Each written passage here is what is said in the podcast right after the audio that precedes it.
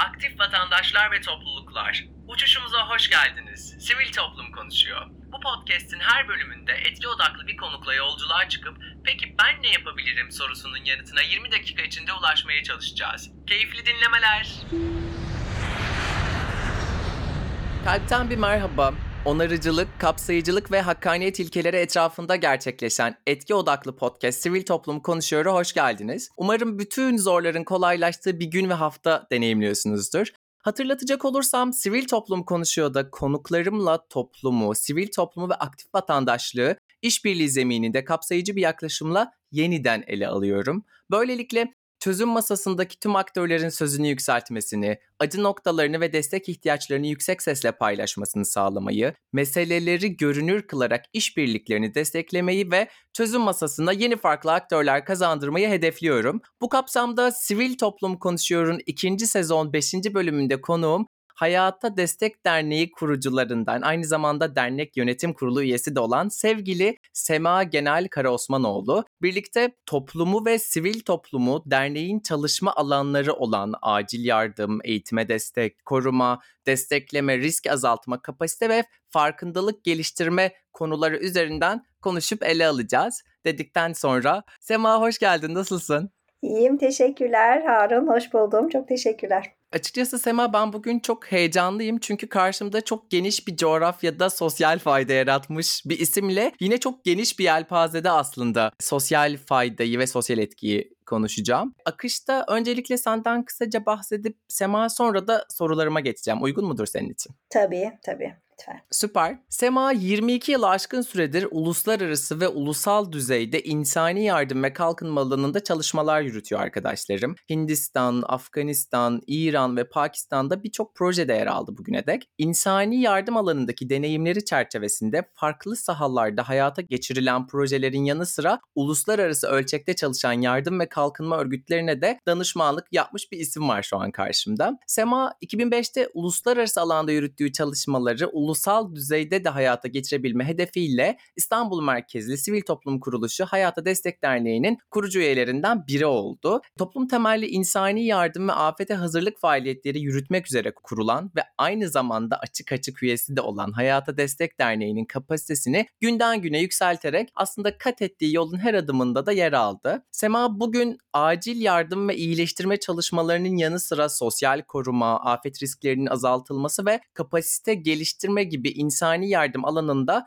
çok boyutlu faaliyetler yürüten Hayata Destek Derneği'nin direktörlüğünü de üstleniyor. Halen Türkiye içinde çalışmalarını sürdürürken uluslararası alanda insani yardım aktörleriyle bu alana katkı sağlamak için koordinasyon çalışmalarında sorumluluk aldığını da biliyorum. International Council of Voluntary Agencies, Network for Empowered Aid Response ve Sivil Toplum Afet Platformu gibi pek çok uluslararası ve ulusal ağın yürütme kurulunda da yer alıyor. Tabii ben arama motorlarında da bulabileceğiniz bilgilerle görünen semadan bahsetmiş oldum sizlere arkadaşlarım. Peki Sema, olan bilinmeyen senden bize biraz bahsedebilir misin? Evindeki Sema nasıl biridir mesela? Harun biraz hazırlıksız yakalandım. Hazırlığım yoktu ama hani kendimden kısacık bahsedecek olursam böyle farklı kültürlere hep hayranlık duyan, farklı coğrafyaları çok merak eden bir insan oldum. Hep küçüklüğümden beri biz çok e, gezen bir aileydik. Ee, babam özellikle e, gezmeyi çok severdi. Annem, babam, kardeşim ben böyle sürekli bir arabanın arkasında gezerken hatırlıyorum kendimi küçüklüğümden beri. Dolayısıyla oradan gelen bir hayranlık var insanlara, kültürlere, coğrafyalara hayranlık. Dolayısıyla serüven serüveni seven, macerayı, gezgin olan bir insanım diyebilirim. Bununla beraber adrenalini de seviyorum. Böyle çok çılgın şeyler yapmamakla beraber insani yardımın kendi içindeki o yüksek temposu beni her zaman çok canlı tutmuştur. Dolayısıyla böyle biraz hani kendi ışığını gören ve çok onun peşinden koşan bir insan olarak tanımlayabilirim kendimi.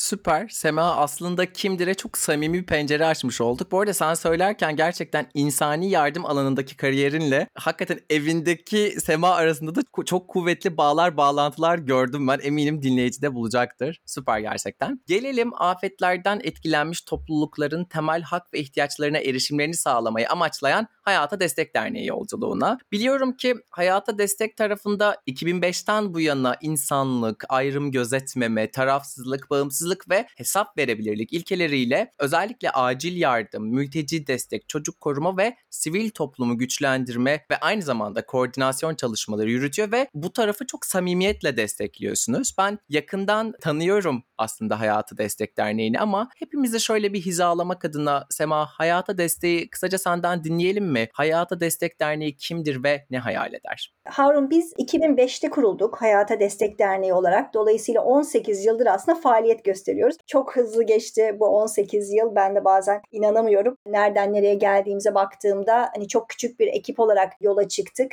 ve bu işi çok büyük bir hani dedikasyonla böyle tutkulu bir şekilde ve bu işe çok inanarak ve severek yapan bir ekip olarak aslında bir taraftan da hani bu kadar büyük bir etki yaratmış olmamız, bu kadar büyümemiz çok da şaşırtıcı değil diye düşünüyorum. Çünkü bu işi belirli ilkeler çerçevesinde yapıyor olmak ve buna gerçekten inanarak yapıyor olmak çok farklı bir kalite, bambaşka bir etki yaratıyor diye inanıyorum. Yani bunu tabii ki hayata destekte yaparak da öğrendik ve gösterdik. Biz insani yardım kuruluşuyuz. Dolayısıyla bu insani yardım işini belirli ilkeler çerçevesinde e, yapıyoruz. Orası çok kritik. Çünkü yardım kelimesi aslında birazcık böyle hayır işini de çağrıştırıyor ve yardımı çok hayır işi gibi yapan çok e, kişi ve kurum var. Onun da tabii bambaşka bir yeri var ama insani yardımı böyle belirli ilkeler çerçevesinde yapıyor olmayı çok kıymetli buluyoruz. Çünkü bu ilkeler aslında bize hak temelli bir yaklaşım veriyor. Yani insanların belirli haklara sahip olduğu ve o hakların zedelendiği, ihlale uğradığı yerlerde aslında onları tekrar kazandırmak e, üzerine böyle bir bakış açısıyla yapıyoruz bu işi. Tabii aslında ihtiyaç temelli çalışıyoruz. Yani insani yardım demek bir afet sonrası, bir insani kriz sonrası ki bu afet dediğimizde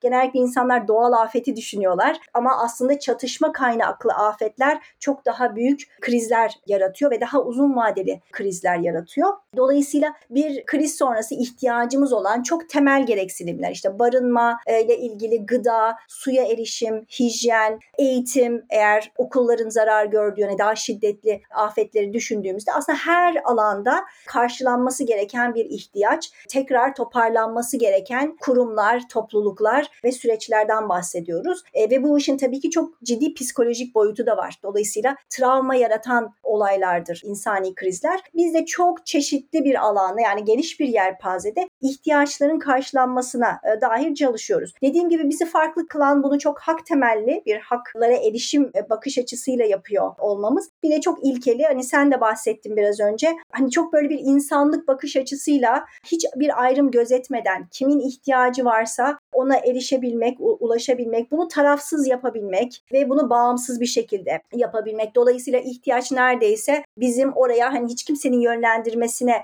izin vermeden yapıyor olmamız ve en önemlisi de bunun hesabını verebiliyor olmamız. Dolayısıyla bize gelen hibe olsun, bağış olsun her birinin kuruşu kuruşuna bunun hesabını veriyoruz ve mümkün mertebe bunu en etkili ve verimli şekilde bu kaynakları kullanmaya çalışıyoruz. Bununla ilgili tabii hani o iç sistemlerimizde çok oturmuş durumda. Belki son bir öne, önemli özellik bahsetmek istediğim topluluk temellilik. Bu yaklaşım bizi yine çok farklı bir yere getiriyor. Çünkü aslında afeti yaşamış, etkilenmiş bireylerin ve toplulukların kendi kendileri için bir şeyler yapabileceğine inanıyoruz. Yani bu varsayım ve bu inanç üzerinden başlıyoruz, yapıyoruz çalışmalarımızı. Dolayısıyla çok katılımcılığı yüksek, çok içermeci programlar tasarlıyoruz ve yürütüyoruz. Dolayısıyla burada da var olanı tekrar hani toparlanması ve yapılan bütün çalışmaların, insani yardım çalışmalarının bunun üzerine inşa edilmesi yani oradaki kapasitenin e, hareketlendirilmesi ve güçlenmesi yine bizim hayata destekte farklı kılan yaklaşımların başında geliyor. Sema senin de az evvel biraz biraz girişini yaptığın üzere aslında dünya ve ülke olarak çok boyutlu krizlerin olduğu bir dönemi deneyimliyoruz. Yani su krizi, enerji krizi, tarımdaki verimsizlikler, ekonomik kriz, siyasal krizler, iklim krizi ve ya sanki bir kriz sarmalı içerisindeyiz ve Hayata Destek Derneği tüm bu krizlerin ortasında programlar tarafında özellikle dört sac ayağı olan da bir mücadele veriyor. Bir tanesi acil yardım. Sen de az evvel bahsettin. E bu tarafta afet risk yönetimi ve afetlerde insani yardım çerçevesinden etki odaklı projeler gerçekleştirdiğinizi biliyorum görüyorum ve gıpta ederek de açıkçası takip ediyorum. Afetlerden etkilenen topluluklara yönelik acil yardım operasyonlarınızda işte aynı ve nakdi yardım, gıda ve gıda dışı temel ihtiyaçların karşılanması, barınma koşullarının iyileştirilmesi, işte ruh sağlığı ve psikososyal destek hizmetlerinin e, yanı sıra işin diğer boyutu olan su, sanitasyon ve hijyen ihtiyaçlarına cevap verme hedefiyle de çalışıyorsunuz. E, ve bunlara ek olarak afete hazırlık çalışmaları yürütmenin yanında afet bölgelerinde afete dayanıklılığı artırmaya yönelik yereli güçlendirme odağında toplum temelli çalışmalara destek sağladığınızı da biliyorum. Bütün bunlar çok iyi ve işin aslında bir sac.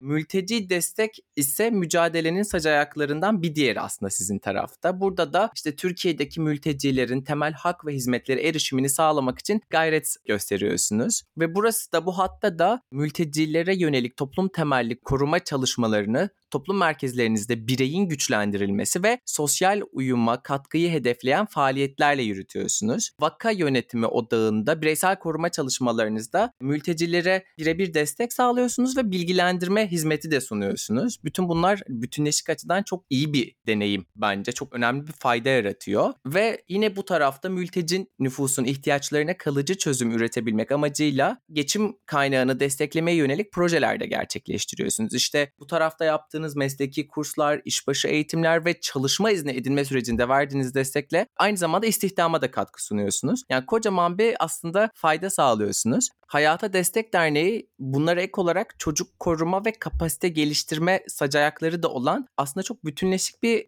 fayda sürecini yönetiyor programlarıyla ve bu dört kritik dikeyde özellikle işte özel sektörle, üniversitelerle, kültür sanat dünyası ile, yeni medya ve tabii ki sivil toplumla da e, doğrudan iletişimde ve işbirliği içerisinde. İşbirliği içinde yoğun bir çaba ortaya koyduğunu biliyorum. Aslında bugün geldiğimiz noktada dünyanın çok boyutlu problemlerini, krizlerini ancak bir aradalık, birliktelik ve işbirliğiyle çözebileceğimizi de bildiğimiz bir yerdeyiz. Tam bu noktada bir aradalık vurgusu üzerinden seni ve sevgili dinleyiciyi aslında sivil toplum tanımımızı düşünmeye davet edeceğim Sema. Çünkü bugün adına sivil toplum dediğimiz şey ne? Birlikte düşünelim isterim. Şuraya geliyorum. Türkiye'de sivil toplum tanımı ve aktörleri genellikle dar bir bakış açısı ile ele alınıyor ve sivil toplum denince akla çoğu zaman yalnızca mevzuatın tanımladığı aktörler geliyor Türkiye'de. O aktörler şüphesiz çok kıymetli, çok katma değerli projeler, işler var biliyoruz ama sivil toplum paydaşları ve sivil toplum tanımı da bunun çok ötesinde. Bunu da biliyoruz. Bu nedenle ben sivil toplum tanımının kapsayıcı bir perspektiften yapılmasını çok önemsiyorum ve merak da ediyorum. Sence sivil toplum ne? Senden kendi sivil toplum tanımını duyabilir miyiz? Tabii, tabii Harun. Yani benim açımdan sivil toplum aslında devlet olmayan ve özel sektör olmayan her şeydir. Yani çok çok geniş ve çok geniş, çok çeşitli, çok zengin bir alan. Aslında üçüncü sektörde deniyor sivil topluma. Dolayısıyla dediğim gibi kamu diyemeyeceğimiz, özel sektör diyemeyeceğimiz çok genel bir şeyden bahsediyoruz. Bir e, alandan bahsediyoruz. Yani sivil bireylerin bir araya gelip topluluk oluşturduğu ve bir amaç etrafında mobilize olduğu her türlü topluluktur aslında. Tabii bunların içerisinde bu çeşitliliğin içerisine baktığımızda biz mesela hayata destek olarak çok başka bir yerde e, duruyoruz. Çünkü biz çok kurumsal bir bir STK'yız, bir sivil toplum kuruluşuyuz. İşte iç sistemlerimiz var, işte belirli bir hesap verebilirliğimiz var. Büyük operasyonlar yürütüyoruz, insani yardım operasyonları yürütüyoruz. Dolayısıyla bu belirli bir bir e, bakış açısı, bir bir profesyonellik, bir kurumsallık gerektiriyor. E, ama biz çok ayrı bir yerdeyiz. Yani çok niş bir yerdeyiz aslında sivil alana, sivil topluma baktığımızda. Aslında çoğu daha böyle proje bazlı, işte çıktı bazlı, belirli bir konu etrafında toplanmış ama daha gevşek yapılar, daha gevşek topluluklar görüyoruz sivil alana baktığımızda. Bunların tüzel kişiliği olabilir, tüzel kişiliği olmayabilir. Hani bütün e, topluluklar illa bir dernek ya da vakıf olmak durumunda değil. Kooperatifler gitgide böyle daha sosyal şeyler, amaçlar ediniyorlar. İşte sosyal girişimcilikten bahsediyoruz. Dolayısıyla hani bu alan farklı şekillerde genişleyen ve dinamik bir alan. Bununla beraber işte biz mesela yine hizmet sağlayıcı bir kurumuz. Yani hizmet sağlamak üzerine çalışıyoruz hayata destekte ama hak savunuculuğu yapıp yani çok başka bir yerden işlevsel olan sivil toplum kuruluşları var. İnanç temelli bu işi yapan, daha hayır işi e, yapan kurumlar var. Mahalle örgütlülüğünden bahsedebiliriz. Yani mahallede e, işte hani mahalle afet gönüllüleri en azından benim alanımda hani önemli bir örnektir. Mahalle düzeyinde bir örgütlenmeyle beraber bir sosyal fayda yaratmaya çalışmak, risk azaltmaya çalışmak, bir etki yaratmaya çalışmak. E, bununla beraber sivil e, alanda işte daha ulusal düzeyde faaliyet gösteren kuruluşlar var, e, STK'lar var, daha bölgesel, yerel düzeyde hatta mahalle düzeyinde çalışanlar var. Bununla beraber hani sivil toplum örgütleri diyoruz ama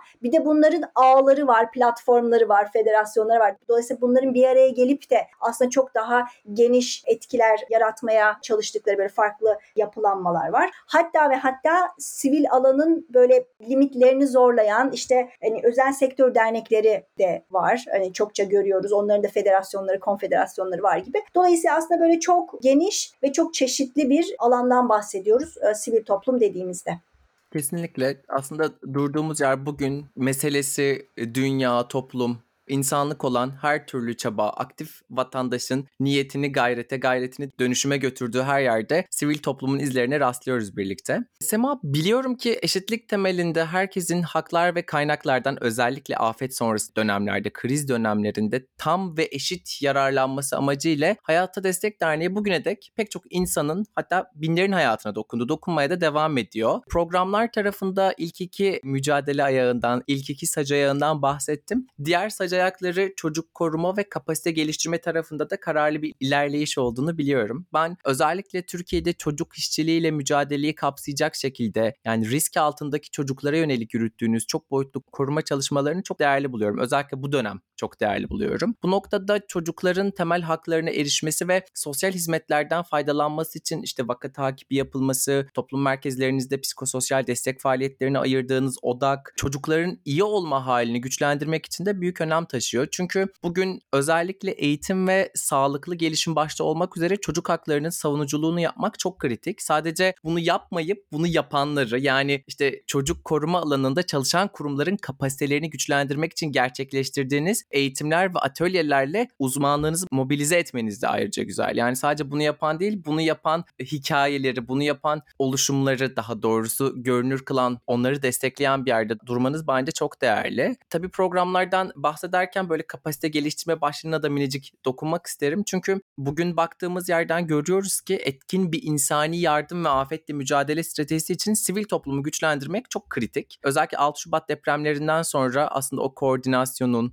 işbirliğinin ne kadar önemli olduğuna birlikte şahitlik ettik. Ve bu çalışmalarda sivil toplum kuruluşları arasında etkin koordinasyon ağları oluşturarak kolektif bir zeminde bilgi akışını sağlamak da çok kritik. Bu tarafta da Hayata Destek Derneği'nin bir mesaisi var malum. Özellikle insani yardıma yönelik konu başlıklarında verdiğiniz eğitimlerle hem alanlarda yani ilgili alanlarda çalışan profesyonellerin bireysel kapasitelerini geliştiriyorsunuz. Hem de sivil toplum kuruluşları ve kamu kurumlarının kurumsal kapasitelerini geliştiriyorsunuz. Yani böyle iki boyutlu bir fayda var. Büyük bir fark yarattığınızı düşünüyorum ben. Tabii şimdi misafirim sensin ama mutfak kalabalık ve aslında hayata destek tarafında da pek çok tutkulu takım arkadaşı olduğunu biliyorum. Nur Sema'nın da kulaklarını çınlatayım bu vesileyle. Tutkuyu, tutkunu, sivil toplum biletini aldığın istasyonu konuşalım istiyorum aslında birazcık yani Sema. Sivil toplumdaki yürüyüşün nerede ve nasıl başladı ben çok merak ediyorum. Eminim sevgili dinleyici de edecektir. Yani seni seçtiğin yola getiren ne oldu Sema? Yola çıkış motivasyonundaki dönüm ve dönüşüm noktalarını dinleyebilir miyiz? Benim hani çok evet kendime özel bir hikayem var. Ben kendimi bildim bileli insani yardım çalışması yapmak istiyordum. Yani çok küçükken böyle buraya bir şekilde ilgi duydum bu alana ve zaman içerisinde aslında bunu yapabileceğimi yani bunu bir kariyer olarak seçebileceğimi fark ettim. Sonuçta bugün baktığımızda insani yardım profesyoneli ya da insani yardım çalışanı e, denen bir bir meslek, bir bir pozisyon var. E, benim için şöyle oldu. Ben 80'lerin e, başında, ortasında ben küçükken Doğu Afrika'da büyük bir açlık vardı ve çok hani medyada da görünen bir olaydı. Dolayısıyla hani bunları böyle televizyonda seyrettikçe ilgimi çekti. Bir taraftan tabii çok büyük üzüntü yarattı. Çünkü biz yani dünyayı nasıl böyle bir hale getirebilirmişiz çocuklukla beraber hani o saf bir şekilde yani biz bunlara nasıl izin veriyoruz insanlık olarak hani burada yapabileceğimiz hiçbir şey yok mu sorularıyla o zaman e, olayları izlediğimi hatırlıyorum. Tabii bununla beraber aslında işin içine müziğin girmesi, işte Bob Geldof'un bununla ilgili bir hayır konseri yapmış olması, hani Doğu Afrika'daki açlıkla ilgili. İşte Band Aid, sonrasında Live Aid, işte We Are The World gibi hani böyle etkinliklerin aslında oraya dikkat çek çekmesi beni de çok hani dikkatimi oraya e, yönlendirdi.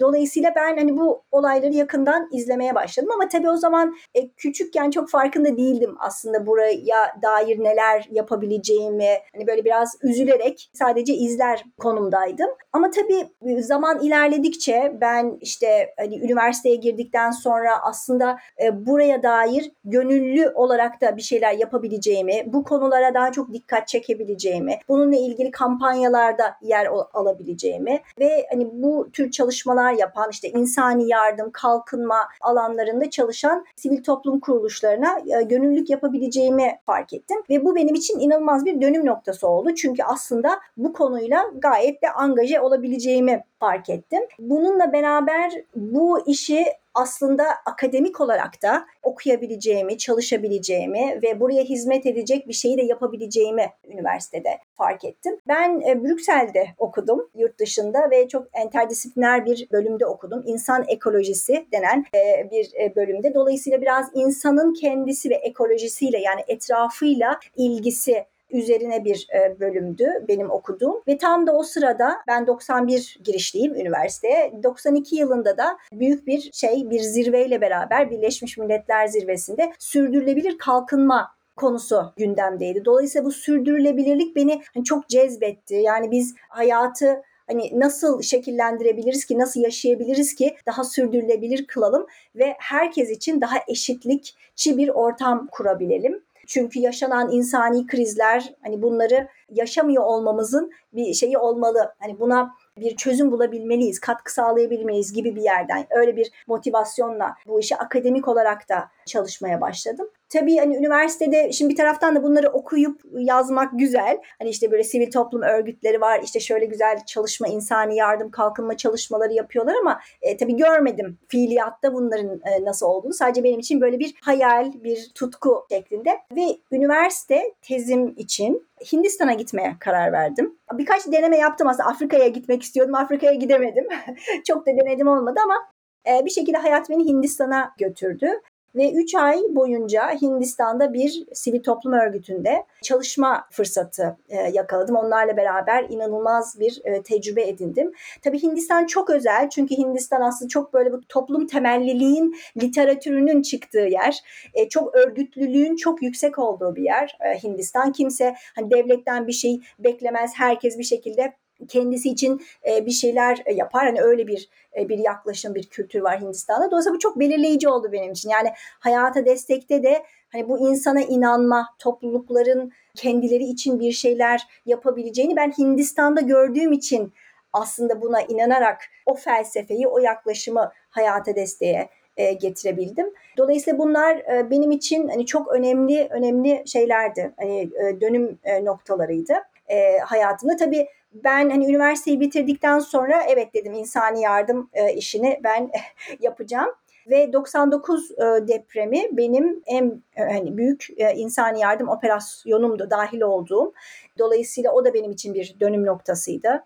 Orada yine hani sivil Türkiye'deki sivil alanı hani bu akademiyi bitirdikten sonra çalışma hayatına geldiğimde Türkiye'deki sivil alanı görmek ki 99 depremi aslında Türkiye'nin sivil toplumu için de bir dönüm noktasıdır. Orada da inanılmaz e, mobilize olmuş, angaje olmuş, harekete geçmiş ve çok güçlenmiş bir e, sivil alan oluştu. Dolayısıyla onunla beraber e, ben kendim de hem kişisel olarak hem bu alana dair epey e, bir şey e, kazandım, edindim, tecrübe edindim.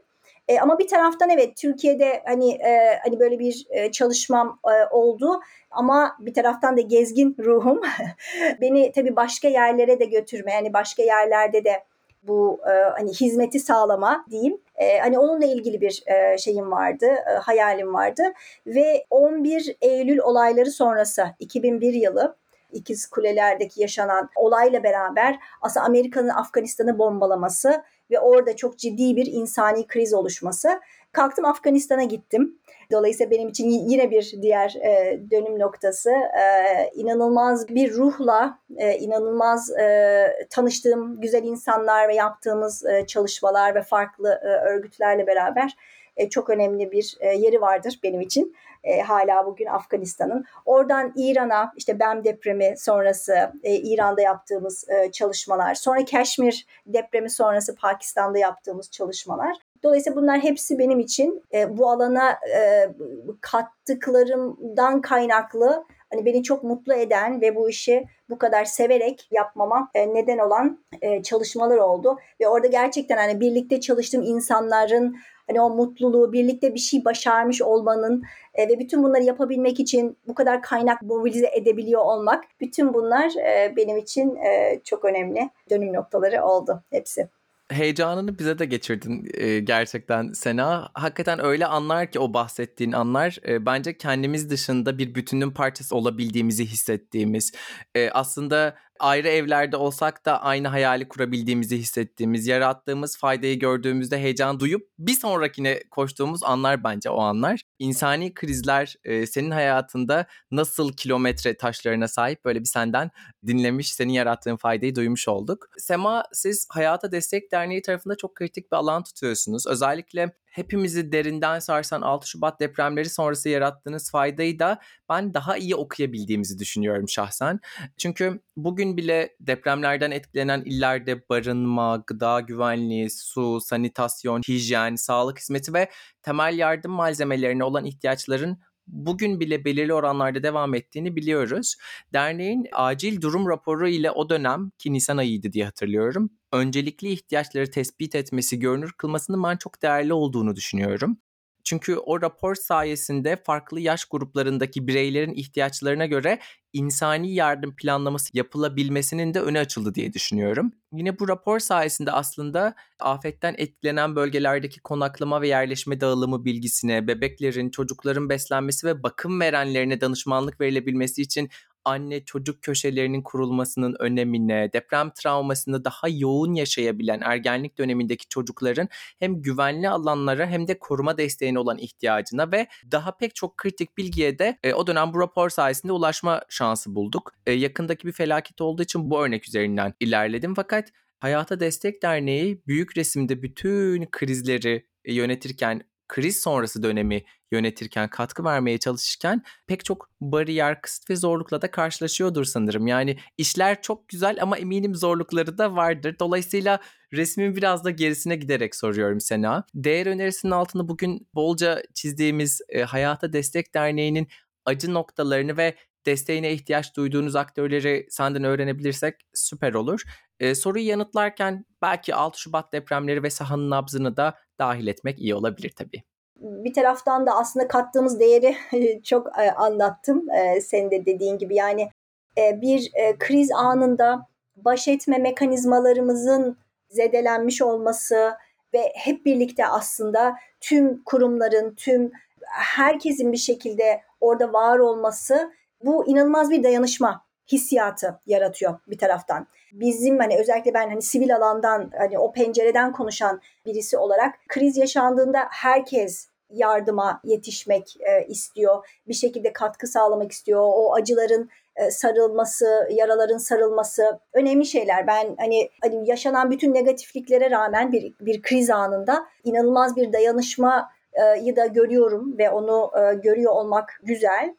Ama tabii e, zorlukları da var bu işin. Yani bazı şeyleri çok daha etkili e, e, yapabileceğimizi görüyorum. E, ama bir takım hani engellerden dolayı yapamıyoruz Türkiye'de. Bir taraftan hani mevzuatla ilgili e, eksiklikler bizi frenleyen e, konular oluyor. Örneğin e, bir hani yardım toplama, bir e, hani çünkü insanlar çok çeşitli şekillerde dahil müdahil olmak ve o dayanışmanın bir parçası olmak istiyorlar. Yani kalkıp afet bölgesine gidip orada gönüllü desteği vermek e, evet ama onu yapamadığında aynı yardımlar, nakdi yardımları da kanalize edebilmek istiyorlar ve bunun için aslında mekanizmaları daha iyi kurabilsek, daha verimli bir şekilde bunu yapabilsek hani çok daha büyük etkiler yarattığımızdan çok çok daha büyük e, etkiler e, yaratabiliriz. Yani bir taraftan e, yardım sağlamak, destek sağlamak isteyenlerle bunu yapanlar hani sahada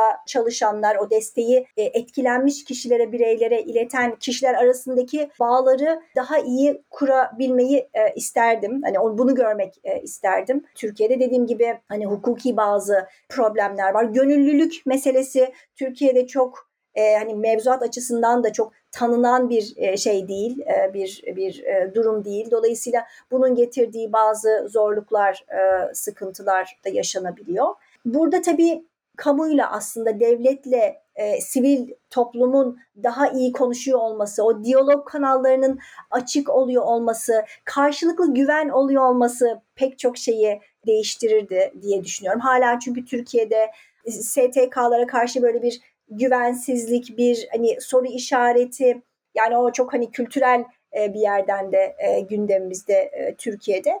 Dolayısıyla hani bunları değiştirecek, hani farklı ilişkilenme biçimleri kurmamıza yardımcı olacak ortamların oluyor olması tabii önemli. Hani bunu da inşallah zaman içerisinde yapacağımızı, hani bu engelleri aşabileceğimizi düşünüyorum ama orada hem devletle olan diyalogumuz sivil toplum olarak söylüyorum hem de özel sektörle aslında özel sektör de çok çok kritik bir bir paydaş. İnsani krizlere baktığımızda ve insani kriz sonrası toparlanma, iyileşme ve normalleşme süreçlerine baktığımızda özel sektörün de aslında daha yapılandırılmış, daha sistemli bir şekilde bu işin içinde var olması. Tabii aslında genel olarak baktığımızda yani birçok katkısı da oluyor e, özel sektörün. Örneğin toplumsal cinsiyet eşitliği konusunda farkındalık e, yaratabiliyor. İşte kadına karşı şiddet önemli bir konu oldu. Hani özel sektörün de böyle çok hani farkındalığını e, yükselttiği e, bir yerde oldu. Dolayısıyla bu hani sen de aslında başta kendinden de bahsederken hani kurumsal sosyal sorumluluk daha sofistike bir tarafa gelebiliyor. Ama bunu daha yapılandırılmış bir şekilde ele almak hani böyle bir anlık böyle projeler şeklinde ya da hani kampanyalar şeklinde değil ama gerçekten o işbirliği modellerini oluşturuyor olmak biraz oraya kaynak kanalize etmek önemli düşünüyorum. Tabii bir taraftan da bireylerin e, aslında buradaki e, dahiliyeti yani bir taraftan bağış kültürünün hani daha gelişmiş olması Türkiye'de güzel olurdu. Hani gönüllülük yine çok yapılan bir şey ama hani bütün bunları bir taraftan da Türkiye çünkü aslında çok e, afetlere açık bir ülke. Hani bir afet e, eksik olmuyor. E, ya bir doğal afet ya hani nüfus hareketliliği, e, zorunlu göçler. Hani Türkiye'nin çok yaşadığı bir transit ülke göçmenler için. Dolayısıyla hani bunu daha yapılandırılmış e, bir şekilde yapmak, o mekanizmalar üzerine biraz daha çalışmaya ihtiyacımız var diye düşünüyorum Türkiye'de.